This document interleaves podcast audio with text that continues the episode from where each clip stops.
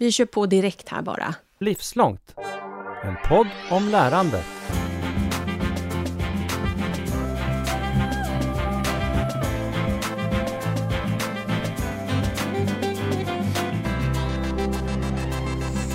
Hej, mitt namn är Golkonda och jag är ett stort fan av att lära mig saker. Det är något av det roligaste jag vet faktiskt. Att sätta mig in i någonting nytt som får mig att tänka helt annorlunda. Ibland är det ju så att jag är sugen på att lära mig någonting bara, nästan vad som helst. Och så söker jag upp någonting och lär mig det. Ungefär som att på slump ta en bok i ett antikvariat och sen läsa den. Och det är ju roligt. Eh, men oftast när jag ska lära mig någonting nytt så är det inom ett fält som jag redan känner till. Då blir det alltså en fördjupning av någonting som jag redan kan. Och då är det ju bra med Youtube eller någon annan kanal. För de känner jag ju också till då. Det är ju säkert där jag har hittat information tidigare. Men en sak som jag verkligen vill slå ett slag för, det är när man lär sig av någon annan. En annan person och kanske till och med från en annan generation. För så här var det, att jag en gång bodde långt ute på landsbygden och jag hade väldigt få erfarenheter av alla de problem som jag behövde lösa där. Och grejen var att jag inte visste ens vilka problemen var.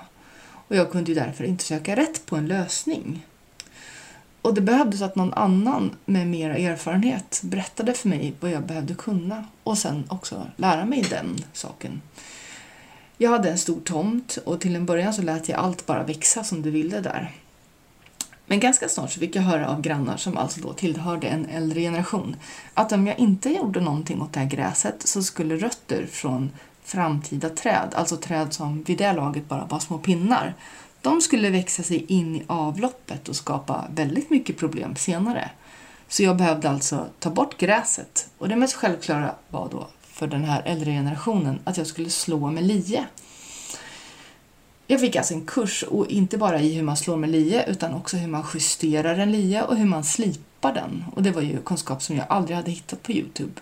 Mest för att jag faktiskt inte hade kommit mig för med att söka på det. Och det här tycker jag var en viktig kunskap att få. Alltså att jag inte alltid vet vad jag behöver veta.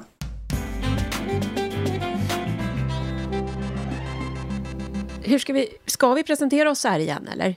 Eller är det uppenbart att vi är vi? Nej, men det kan vi väl göra. Det kan väl påminna folk om vilka vi är. Ja. Jag heter Katarina Pietschak. Och jag heter Sandra Du heter Löf. Sand. Ja. Precis. Du var på väg att göra det åt mig. Ja, du vet, det är den där 10 000 timmarna programledare. Eller om det är 150 000 timmar. Du bara slår på en autopilot i min hjärna så presenterar jag. Men vi är ju de som eh, roddar och rattar den här podden livslångt Ja. till vardags. Och Yes. eh, jag tycker det är lite roligt, eh, för jag satt och tänkte på, när vi pratade om just det här avsnittet, så hade ju vi en punkt i början i, podden som var så här sju snabba, eller om det var fem snabba, eller till och med tre snabba ibland, eh, då man då ska välja mellan två olika saker. Och då, då var det en som var, var det lära, lära sig från bok eller Youtube? Mm, något sånt, ja.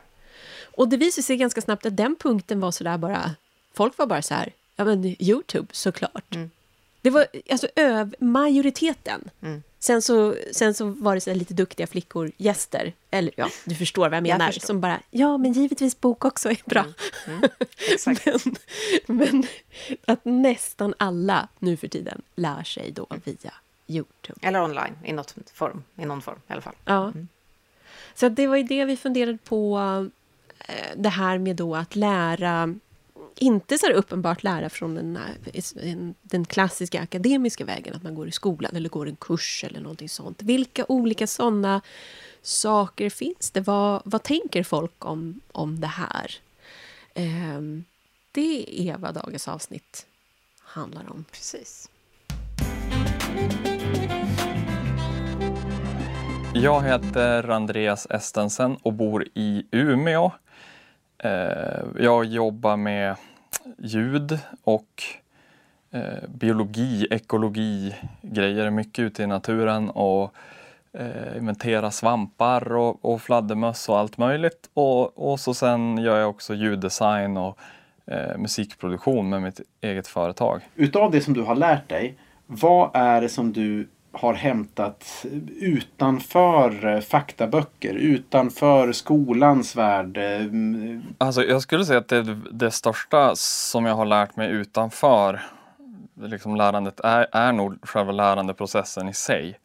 Att jag liksom har lärt mig att lära mig saker genom att, att drivas och luta, eh, luta mig mot min nyfikenhet och så sen letat kontext i alla sammanhang för att svara frågor som jag har. Om det, oavsett om det är liksom en eh, ljudvåg eller hur, hur fungerar egentligen en, en kompressor i ljudsammanhang eller varför eh, växer bara svampar eh, på hösten eller vad det nu kan vara så drivs jag väldigt mycket av att svara på sådana frågor. Och då hittar jag, på grund av att jag liksom är väldigt nyfiken av mig och vill lära mig grejer så min drivkraft till att lära kommer ifrån mig själv och eh, sen vart informationen kommer ifrån varierar. Det är att jag har ju inte riktigt läst kurser med kursupplägg utan jag har ju bit för bit byggt kunskap med, genom liksom lösa frågor och funderingar och, och alltid ändå haft något slags långsiktigt driv mot, mot vad som är stimulerande och vad jag tycker är kul och vad jag vill veta mer om. Jag har alltid liksom bara besvarat frågor och sen byggt kunskap inom fält som sen har varit användbara. Eh, och jag, tror, jag tror mycket också via internet och möjligheter att söka eh, reda på information. Och då menar jag inte bara liksom sökmotorer utan också tillgång till eh, ja, forskningsartiklar och eh, ja, olika forum och kontexter där man kan diskutera med, med andra människor. Jag tror att jag har använt det ganska mycket och, och mycket av det jag har lärt mig hade nog inte varit möjligt, i alla fall inte med den här liksom, metoden eller så som jag har jobbat eh, för, för eh, ja, innan min generation eller vad man ska säga.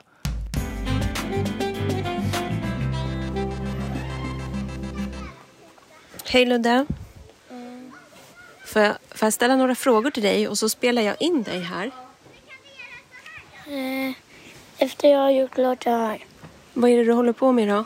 Eh, fixa med Rubiks kubappen.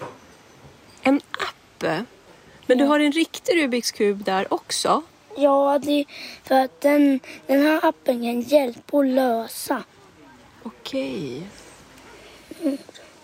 Hade du Nej. önskat dig en, en sån här Rubiks kub i födelsedagspresent? Ja, Men visste du att det fanns en sån app? jag gör det kolla på Youtube och då har jag sett en sån. Du är verkligen koncentrerad ser jag. Eh, jaså, säger den. Vad var det du gjorde nu?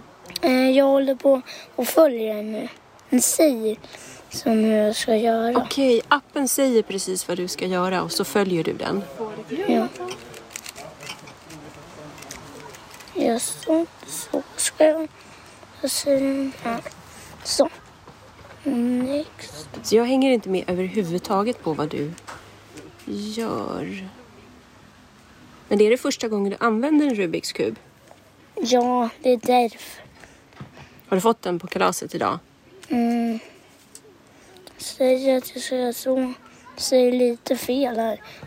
Den tycker att det ska bli som det inte blir. Tänk om du inte klarar av att lösa det här överhuvudtaget. Kommer du bli arg då? Ja, på den här appen som inte... Oj. Jag tror du hamnar på någon annons va? Ja, Men du blir arg på appen om det inte går att lösa? om den inte löser rätt. Den verkar säga fel.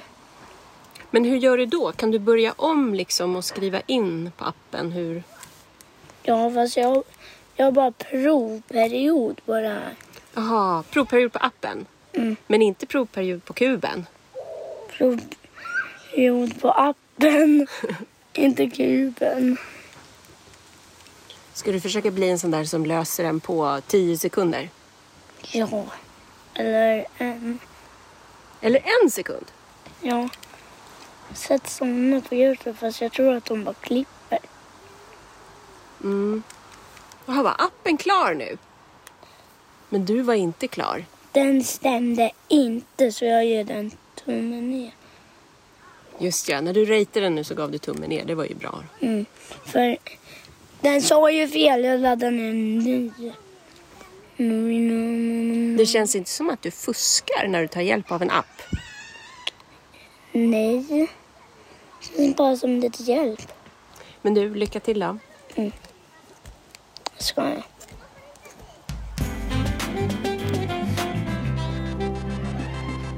Då ska vi se. Vad är det bästa jag har lärt mig via andra källor än i skolan?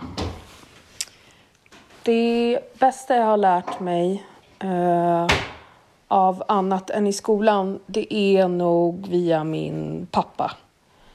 Han, eh, han brukade alltid kunna vara den som förklarade sånt som jag så här, fick läsa till mig i skolböcker och sånt. Jag gillar ju inte skolböcker egentligen. Jag tycker väldigt få är välskrivna och liksom tillräckligt pedagogiska.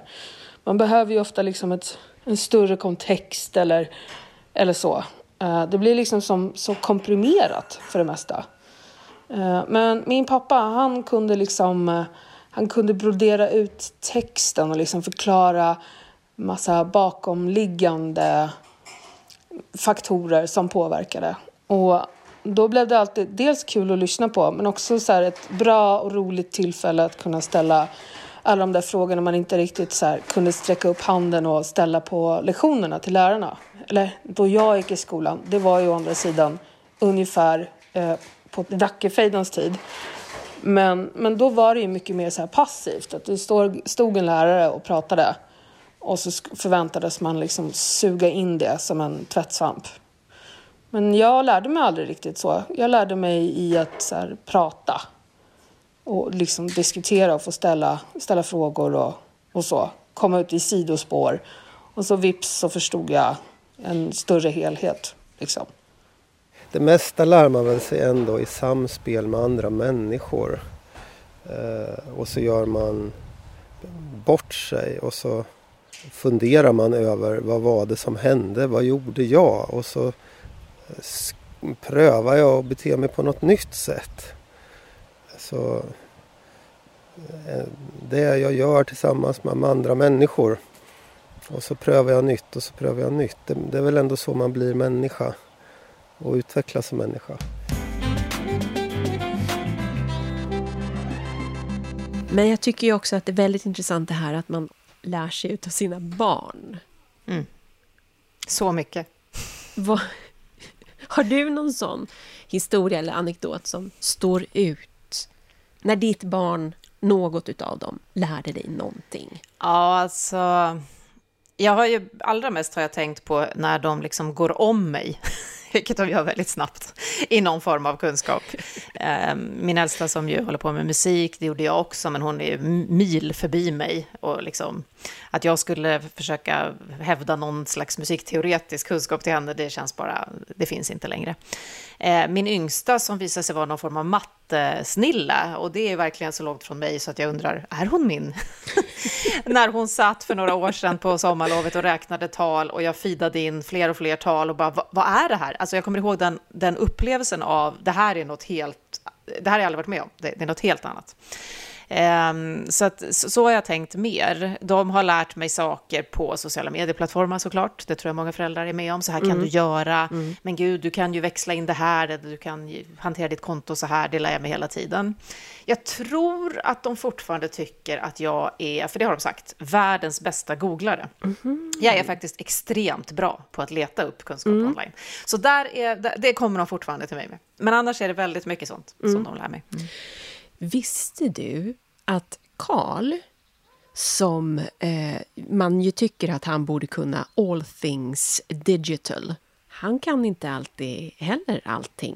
Va? Ja. Kan inte Carl Heath allting online? Nej. Det är inte klokt. Nej. Och vet du, vet du vem som senast fick lära honom? Det kanske var du. Nej, Nej, det var faktiskt hans dotter Amanda. det är ju spännande. Okej, då så Amanda. Jag har ju eh, ett behov av att lära mig det här nya programmet för att... Det är inte direkt så nytt. Är det inte? För mig är det ganska nytt. Men jag behöver i varje fall redigera video och jag har märkt att du för din YouTube-kanal håller på... Du vet väl att Zoomerang finns också? Zoomerang. Ja, jag har hört om ett som heter CapCut som du använder. Eller hur? Mm. Och eh, då tänker jag att eftersom du använder det och du håller på och klipper dina YouTube-filmer så eh, borde det funka för mig också. Tror du det? Ja. Kan du, skulle du kunna hjälpa mig och lära mig hur, hur CapCut funkar? Nej, jag tror inte direkt att jag har något val. Okej. Så hur gör jag då? Nu sitter vi här framför datorn. Eh, du går in på CapCut. Okej, vad finns det? Det är en app Okej, så, på datorn. Så om jag söker efter det. CapCut här. All in one video editor. Är det den här vi pratar om? Okej, Du måste installera den. Jag har ju redan sagt det. okej. Då måste man logga in då också. Man måste i alla fall downloada. Download. Kan du berätta lite grann om vad CapCut, varför, vad är det som är bra med CapCut tycker du? Men alltså, man kan göra så himla många olika saker. Och till exempel om man vet hur CapCut funkar. Men hur, vad, vad, är, vad är CapCut för någonting? Om vi börjar med det. Man kan redigera video i det. Ja, det är liksom så här Och vad använder man det mest till då? att göra edits och sånt. Till exempel på Roblox. Då kan man göra liksom um, så att man sätter till några effekter och så och gör liksom en video jättecool. Okej, så man liksom har filmat eh, sitt videomaterial. För jag, mitt problem är att jag filmar någonting och så vill jag liksom klippa det lite i ena ändan och i andra och kanske sätta ihop två klipp och så. Kan man, kan man göra sånt i CapCut? Japp, det kan man också göra. Det kan man göra. Ja. Eh, Okej, för nu håller jag på att installera det här i datorn i varje fall. Är du trött? Ja, det. Ja. Så nu har jag då ett nytt project här. Ja, då trycker du på New Project. Ja. Så kommer det här. Oj, här var det ju jättemycket grejer. Ja. Här kan man importera material. Tryck på Exit för jag kommer lära dig. Okej. Så, du, trycker så du klickar på Import. Ja. Och så, och sen väljer du eh, den fil du vill ha Ah, filen då behöver jag ju ta och hämta den här filmen som jag hade. Som där är Ekorre-filmen. Jag brukar göra liksom namn jag kommer ihåg till mina filer. Okej, så då tycker du att jag ska döpa om den här från det här konstiga namnet till typ Ekorre. Okej, så nu har jag laddat in Ekorre-filmen i CapCut. Ja, för att om man inte då går till den där Ja. lilla rutan nu. Där nere där det står drag material here and start to create. Okej. Man kommer inte kunna göra det då eftersom den inte är inne Antingen klickar man på plustecken Ja. om man håller Add to track. Eller så drar man bara ner den. Jag skulle vilja att den liksom kanske börjar här. Okej, då Mm. så om man tittar lite ovanför videon. Då finns det massa verktyg där. Ja, det gör det. Och så klickar vi på split. Okej, det här ska jag klicka. Mm. Så ser du att du har ändrat. Och då, Ja. om du klickar på den lilla delen du splittade, så kan vi Ja. klicka på papperskorgen. Uh, delete. Och Ah, då om vi ti- börjar titta på videon igen. från början. Ja. Ja. då börjar den där. Nu har vi klippt ändarna och nu är det inget ljud på den. Då har du till exempel, Det där ljudet. ja. Men det kanske inte är lika Lazy roligt. sound. Nej.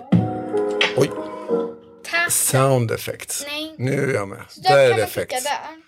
Och här finns det rätt så många. Rätt så många. Det fanns ju hur mycket som helst. Okej, och så ser vi hur det blev. Okej, och så får man kanske göra den lite långsammare här då. Så ska vi se här hur det blir. Kanske. Sådär bra va? Ja, det är bra. Ja, Okej. Vi använder det. Ja. Så. Vad är det som är roligt med att liksom, klippa videofilmer och hålla på och grejer? Det kan ju ta rätt så lång tid ibland. Mm. Um, om man sätter ner mycket tid, liksom mycket energi, då tar det rätt så lång tid. Mm. Men Och, och en annan sak jag tänker på det är ju att alltså det här, du, nu lär du dig ju det här är inte för att det är någon som vill att du ska kunna detta utan du vill ju lära dig för dig själv. Mm. Tycker du det är en stor skillnad på när du ska lära dig saker för att du vill lära dig saker och ting jämfört med när någon annan vill att du ska lära dig någonting? ja, det är mycket enklare. För liksom, om man lär sig något själv, eller om, liksom, om jag väljer själv att lära mig något, Ja, då ehm, så är det liksom så här att då vill jag ju liksom göra det. Och, eh, och då är det kanske lite roligare också. För att om till exempel någon lärare säger ah, Amanda kan du lära dig det här och göra det här? då har jag kanske inte, då vill jag kanske inte göra det lika mycket för då kanske det blir lite tråkigare. Men om jag liksom kommer på liksom, ah, ja, ah, jag vill göra det här. Då är det liksom lite roligare. Då har man liksom lite mer energi, känns det. Och det händer ju ibland att du måste göra saker och ting i skolan som du inte tycker är kul. Ja. Ja, så hur gör du då liksom för att motivera dig själv att göra saker och ting som du kanske inte egentligen tycker är kul men som du vet om att du måste göra? Alltså, jag brukar ju för det mesta lyssna på musik eftersom jag går i något som kallas musikklasser. Mm. Och sen så kanske man sätter sig på ett lite eh, tystare ställe där det kanske är lite mer lugnt och sånt där. Ja, och så kanske man eh, försöker liksom grupparbeta med någon klasskompis och sånt där. Den här grejen med att du har det här intresset för att göra film och skapa och så på eh, datorn. Det är ju någonting du liksom har hittat på alldeles själv att du vill hålla på med. Det är ju inte direkt något som jag har kommit och, eller morsan eller så har kommit och Nej bett dig för, nej, för att du visste inte ens vad det var. Nej, jag visste ju inte Jag kom det. ju liksom bara fram till och bara, kan jag få det här? Jag bara, vad är det där? Och jag bara, du får se i framtiden lite så här med. Till exempel, jag har ju smyg laddat ner en app eh, som eh, kan hjälpa mig med Youtube-videos som heter Pixart. Okej, vad gör den då? Eh, den är liksom så att man kan editera jättecoola bilder. Ah. Ehm, eh, så liksom, den kan man göra liksom bilder till så här Youtube-videos med. Coolt. Men den här grejen med att liksom du lär dig själv de här sakerna och sånt. Och sen så, nu till exempel behövde ju jag kunna detta. Tror du det finns en skillnad i hur lätt eller svårt det är att lära sig saker och ting?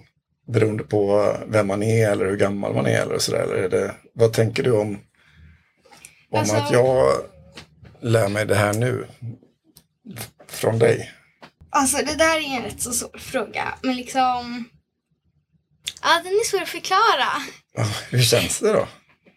Eh, det känns väl ändå rätt så coolt att liksom kunna lära de mer äldre personerna. Det gör det. Som pappa.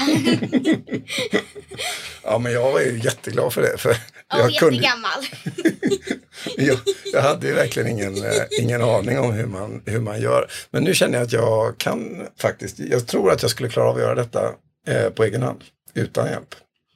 Tror du att jag klarar det? Nej, Nej, okej, ja, men då får jag fråga dig igen om det går, går åt pipsvängen. okej. Ja, ja, men toppen. Och jag får Robux. Om du får Robux. Nej, men det kan inte vara en utpressningsfråga detta. Sant. Mm. Men ändå bra med Robux. Ja, tycker du ja. Jag är mer tveksam. Du, eh, Amanda, tack så jättemycket för hjälpen. nu ska jag köpa Robux. Det ska du. Men det blir för dina pengar ska du veta. 100 kronor. Ja. Ha det så bra.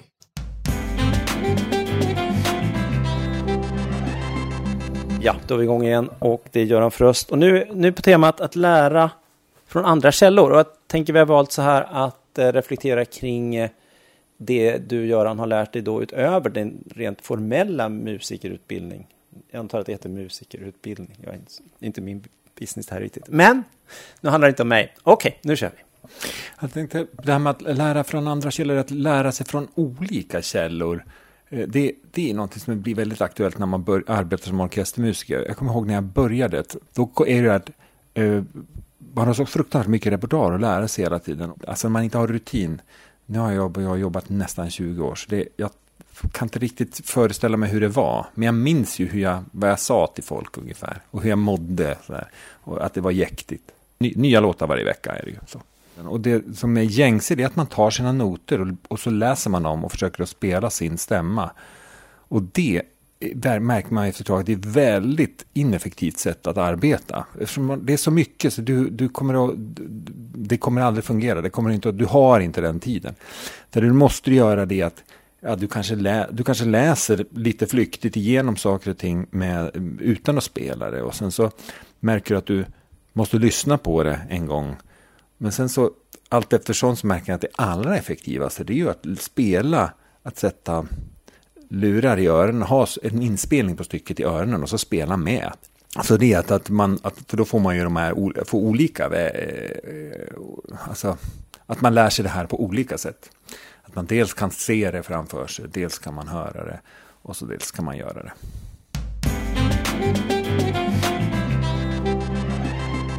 Jag har eh, ju lärt mig ganska mycket via typ den akademiska vägen känns det som. När jag velat lära mig något nytt så har jag ofta liksom gått kurser. Tagit pianolektioner för att lära mig musik. När jag plockade upp det igen så var det första jag gjorde att liksom kolla om det fanns någon kurs på Folkuniversitetet. Typ. Um, för att det liksom blir någon slags, uh, man lär sig av en, eh, uh, heter det? bekräftad källa liksom. Någonting med, som är trovärdigt. Mm. Det känns viktigt för mig många gånger. Um, men nu det senaste året när jag börjat lära mig saker så har det snarare varit tvärtom. Uh, jag började spela gitarr och då var det jätteviktigt för mig att inte gå till en gitarrlärare. För att jag var jätterädd att det skulle liksom eh, kväva intresset. Så, som, som det också ofta blir när man lär sig liksom på en akademisk eller utstakad väg. Att man känner att man, liksom, eh, man tappar kontrollen. Men då har det varit mycket att jag suttit och plinkat själv och sen så nu när eh, våren kom och liksom det började bli sommar uppe i Umeå så eh, har jag börjat plantera grejer. Eh, och då har jag läst lite i böcker men också eh, försöker också bara experimentera lite med hur, hur plantorna mår om jag planterar dem på olika sätt i olika jordar.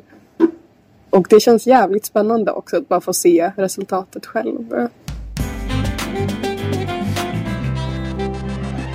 Du nämnde ju att eh, du håller på med eh, fältbiologi. Mm. Eh, vad har du lärt dig specifikt utav att vara i naturen? Vad för slags lärande har kommit därifrån? Mm, ganska mycket. Eh, och framförallt kanske inte alltid svar från naturen, men frågeställningar i alla fall som sen har ledit... Utveckla? Ja, men jag försöker komma på då ett, något exempel på det här.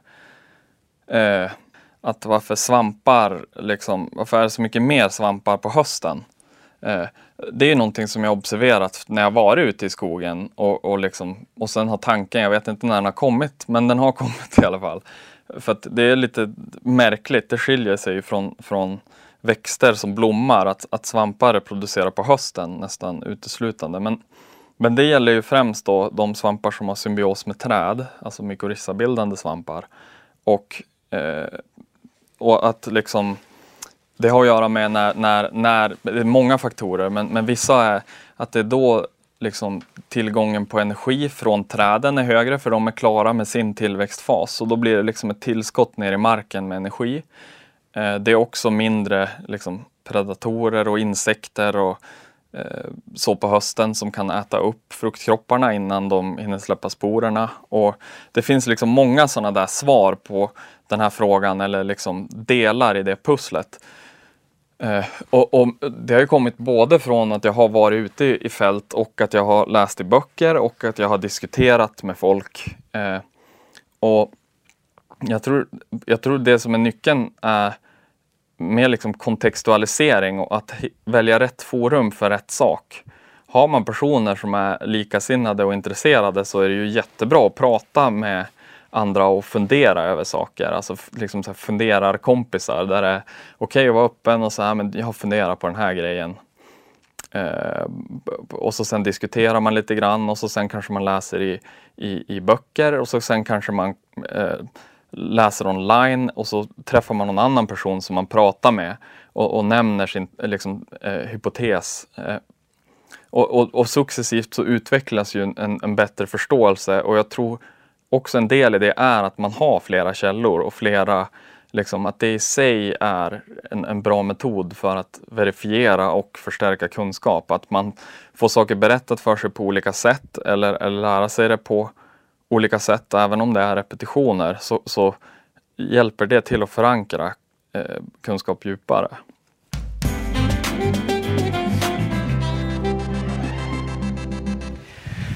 Det bästa som jag har fått lära mig som jag inte har lärt mig i skolan? Hmm. Just nu måste jag ju säga eh, typ keramik att dreja eh, och att sticka och eh, att måla. Allt sånt där eh, kreativt som man gör med händerna. Det är väldigt meditativt och läkande tycker jag.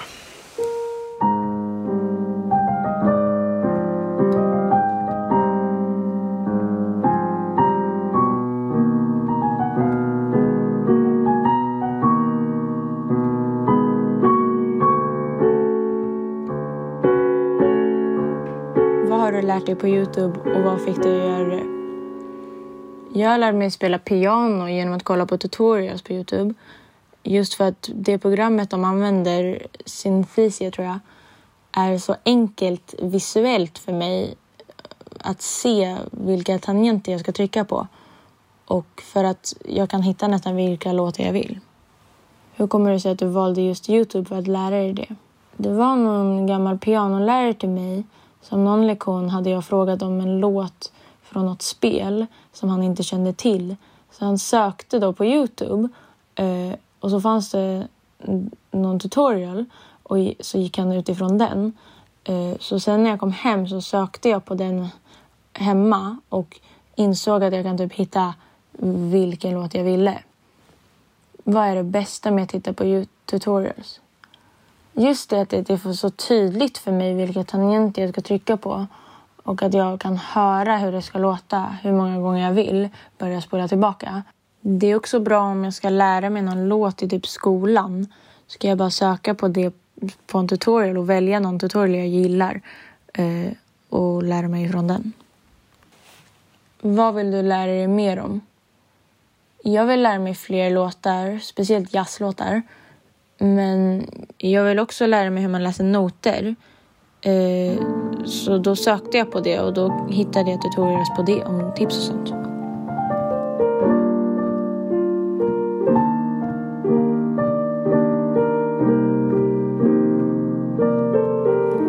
Om jag har haft en kulturupplevelse som jag har lärt mig något av? Eh, ja, min första stora kulturupplevelse var när jag gick i lågstadiet och gympaläraren avslutade lektionen med att spela Bachs Är. Vi låg på tjockmattorna och jag kände musikstycket i hela kroppen och blev helt hög. Och samma känsla fick jag när vi gick på en slags skolteater i en annan gympasal, kanske i mellanstadiet.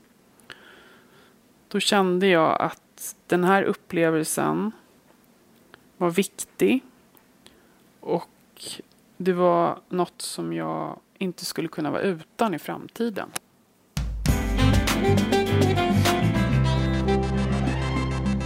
Kultur, det brinner ju du för, eller hur Katarina?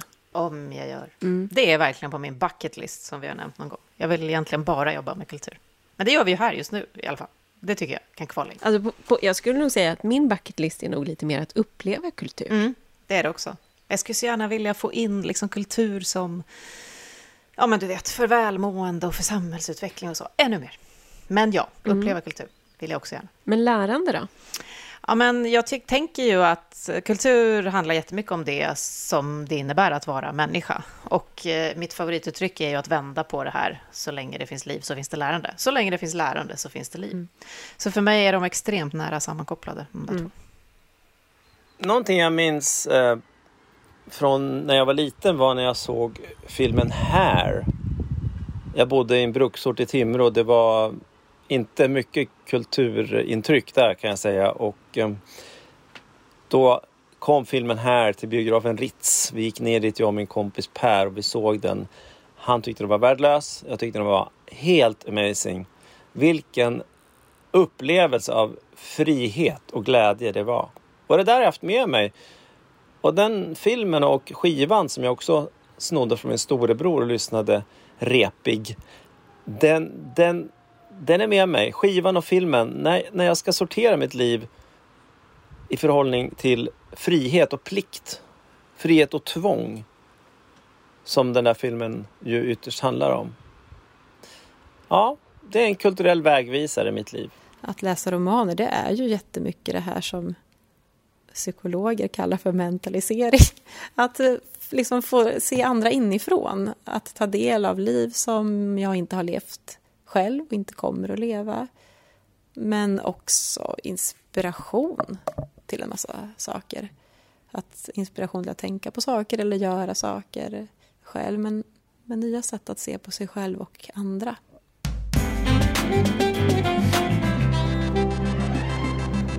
Jag tittar massa på Youtube. Så jag tror jag lär mig väldigt mycket. Eh, jag har svårt att komma på något specifikt men jag tror att det bästa jag har lärt mig det är nog massor med nya inspirerande recept och matlagning och sätt att laga mat, fermentera och eh, ja, jättebra. Jättemycket intressanta matlagningskanaler och bakning, baka bröd. Det finns en fantastiskt bra Youtube-kanal som går ner i verkligen nördig teknisk detalj på allting om hur brödbak funkar och jäsning och surdegar och allt sånt spännande. Det är nog det bästa jag har lärt mig. Ja, men jag lagar mycket mat, men det är en sak som jag tycker aldrig som är svår att liksom få riktigt bra. Det är ju något så enkelt som att koka ris. Liksom följt instruktioner på paketen och kokat i 12 minuter och låtit det stå på sidan. Jag har köpt någon sån här grej, silikongrej man har i mikron och kör. Det blir ganska bra. Och sen så liksom det enklaste tipset visar sig ändå vara att eh, när det gäller eh, relationen eller måtten på vatten och ris så ska det liksom vara så högt som riset går upp i kastrullen ska man fylla på med lika mycket vatten. Det funkar typ alltid. Och hur lärde du dig det? Det var ju något Youtube-klipp där man typ lär sig allt nu för tiden. Det regnar lite väl mycket här nu. Tycker jag. Nu går jag. Nu går jag in. Det är helt blöt.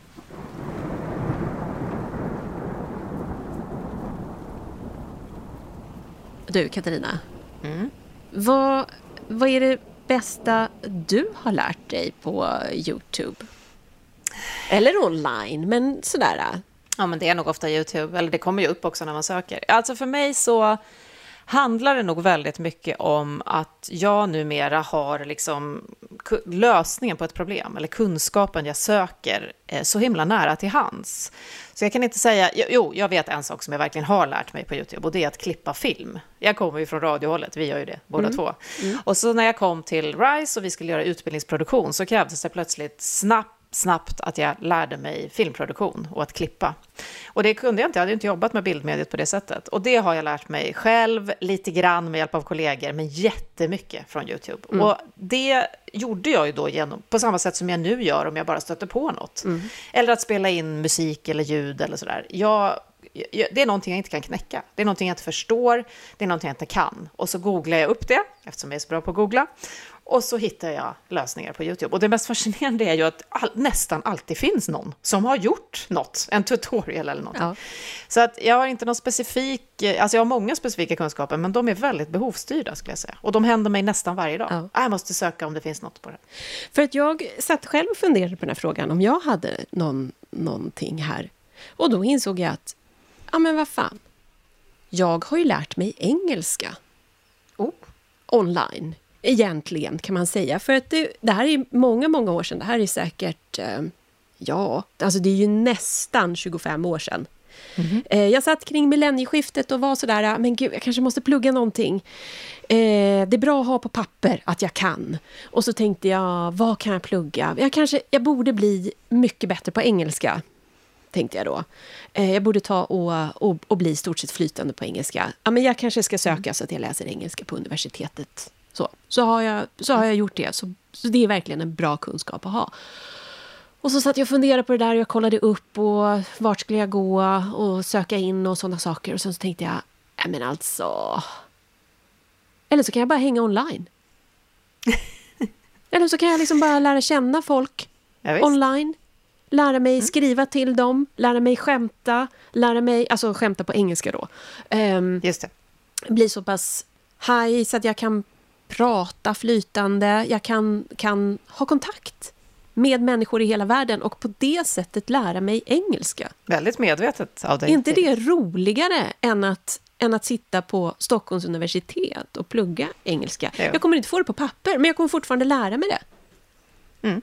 Och då gjorde jag det. Ja, men det låter ju otroligt medvetet. Jag tror inte jag lärde mig engelska flytande, eller på det sättet som du beskriver, förrän jag på riktigt började jobba med det. Ja. Jag tror jag lärde mig otroligt mycket mer av att jobba på engelska än jag gjorde i, i skolbänk. Så. Mm. Men nej, jag är helt, helt med dig. Och jag menar online, jag har ju också gått kurs, rena kurser online, men då har jag verkligen varit sådana som en som har varit uppe jättemånga gånger i podden, eh, Läran att lära, Learning how to learn. Eller The Science of Wellbeing, alltså hur, ska vi, hur, hur mår vi på bästa sätt, vad innebär det, hur, hur kan vi ta oss an det? Jag har verkligen sökt sån kunskap som inte är den här klassiskt akademiska lära sig ett språk till exempel. Mm. Så att jag, jag förstår att du valde att lära dig online. Mm. Det är fascinerande. Så det är också lite kul eftersom att jag har en kompis eh, som, som är väldigt bra på engelska, men han har ju läst mycket. Så att när vi har, varit, när vi har rest utomlands, han och jag tillsammans, så är det ju så att jag har tugget. Mm. Medan han ibland inte ens riktigt har, har uttalet eh, Nej. Helt där. Eller att han pratar väldigt litterärt. Vilket ju inte alls är då street smart i New York, om man säger så. Verkligen inte. Jag kan också tipsa att jag nu på semestern har lyssnat på extremt mycket av mitt andra språk faktiskt, nämligen polska. Därför att det var jättemycket polacker där jag var. Och bara genom att tjuvlyssna, vilket gav många roliga historier som jag kanske inte ska berätta här, så, så fick jag tillbaka jättemycket av min egen, för jag pr- pratar väldigt sällan i vardagen, av min egen liksom, ja, the fluent eh, känsla för språket. Så lyssna är också ett väldigt bra tips Ja, vad roligt. från olika källor. Ja, jag eh, har ju, känner ju inte att jag har fått till mig finskan speciellt mycket då, eh, kan jag avslöja. Men jag har ju lyssnat på Hooja och eh, de slänger ju in lite finska uttrycket. Så, så att... Yx, ja, det är bra. Yxkolme. Ja, visst. Nej, men det... Lär från kultur. Ja.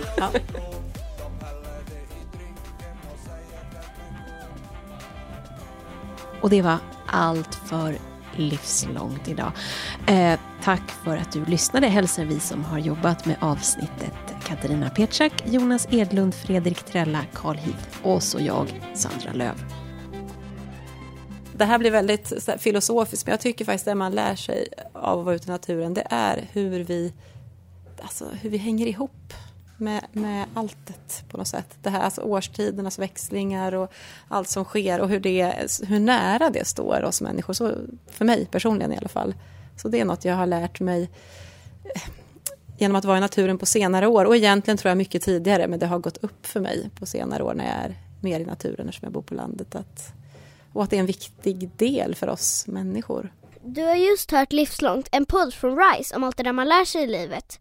Vi hörs om en vecka igen.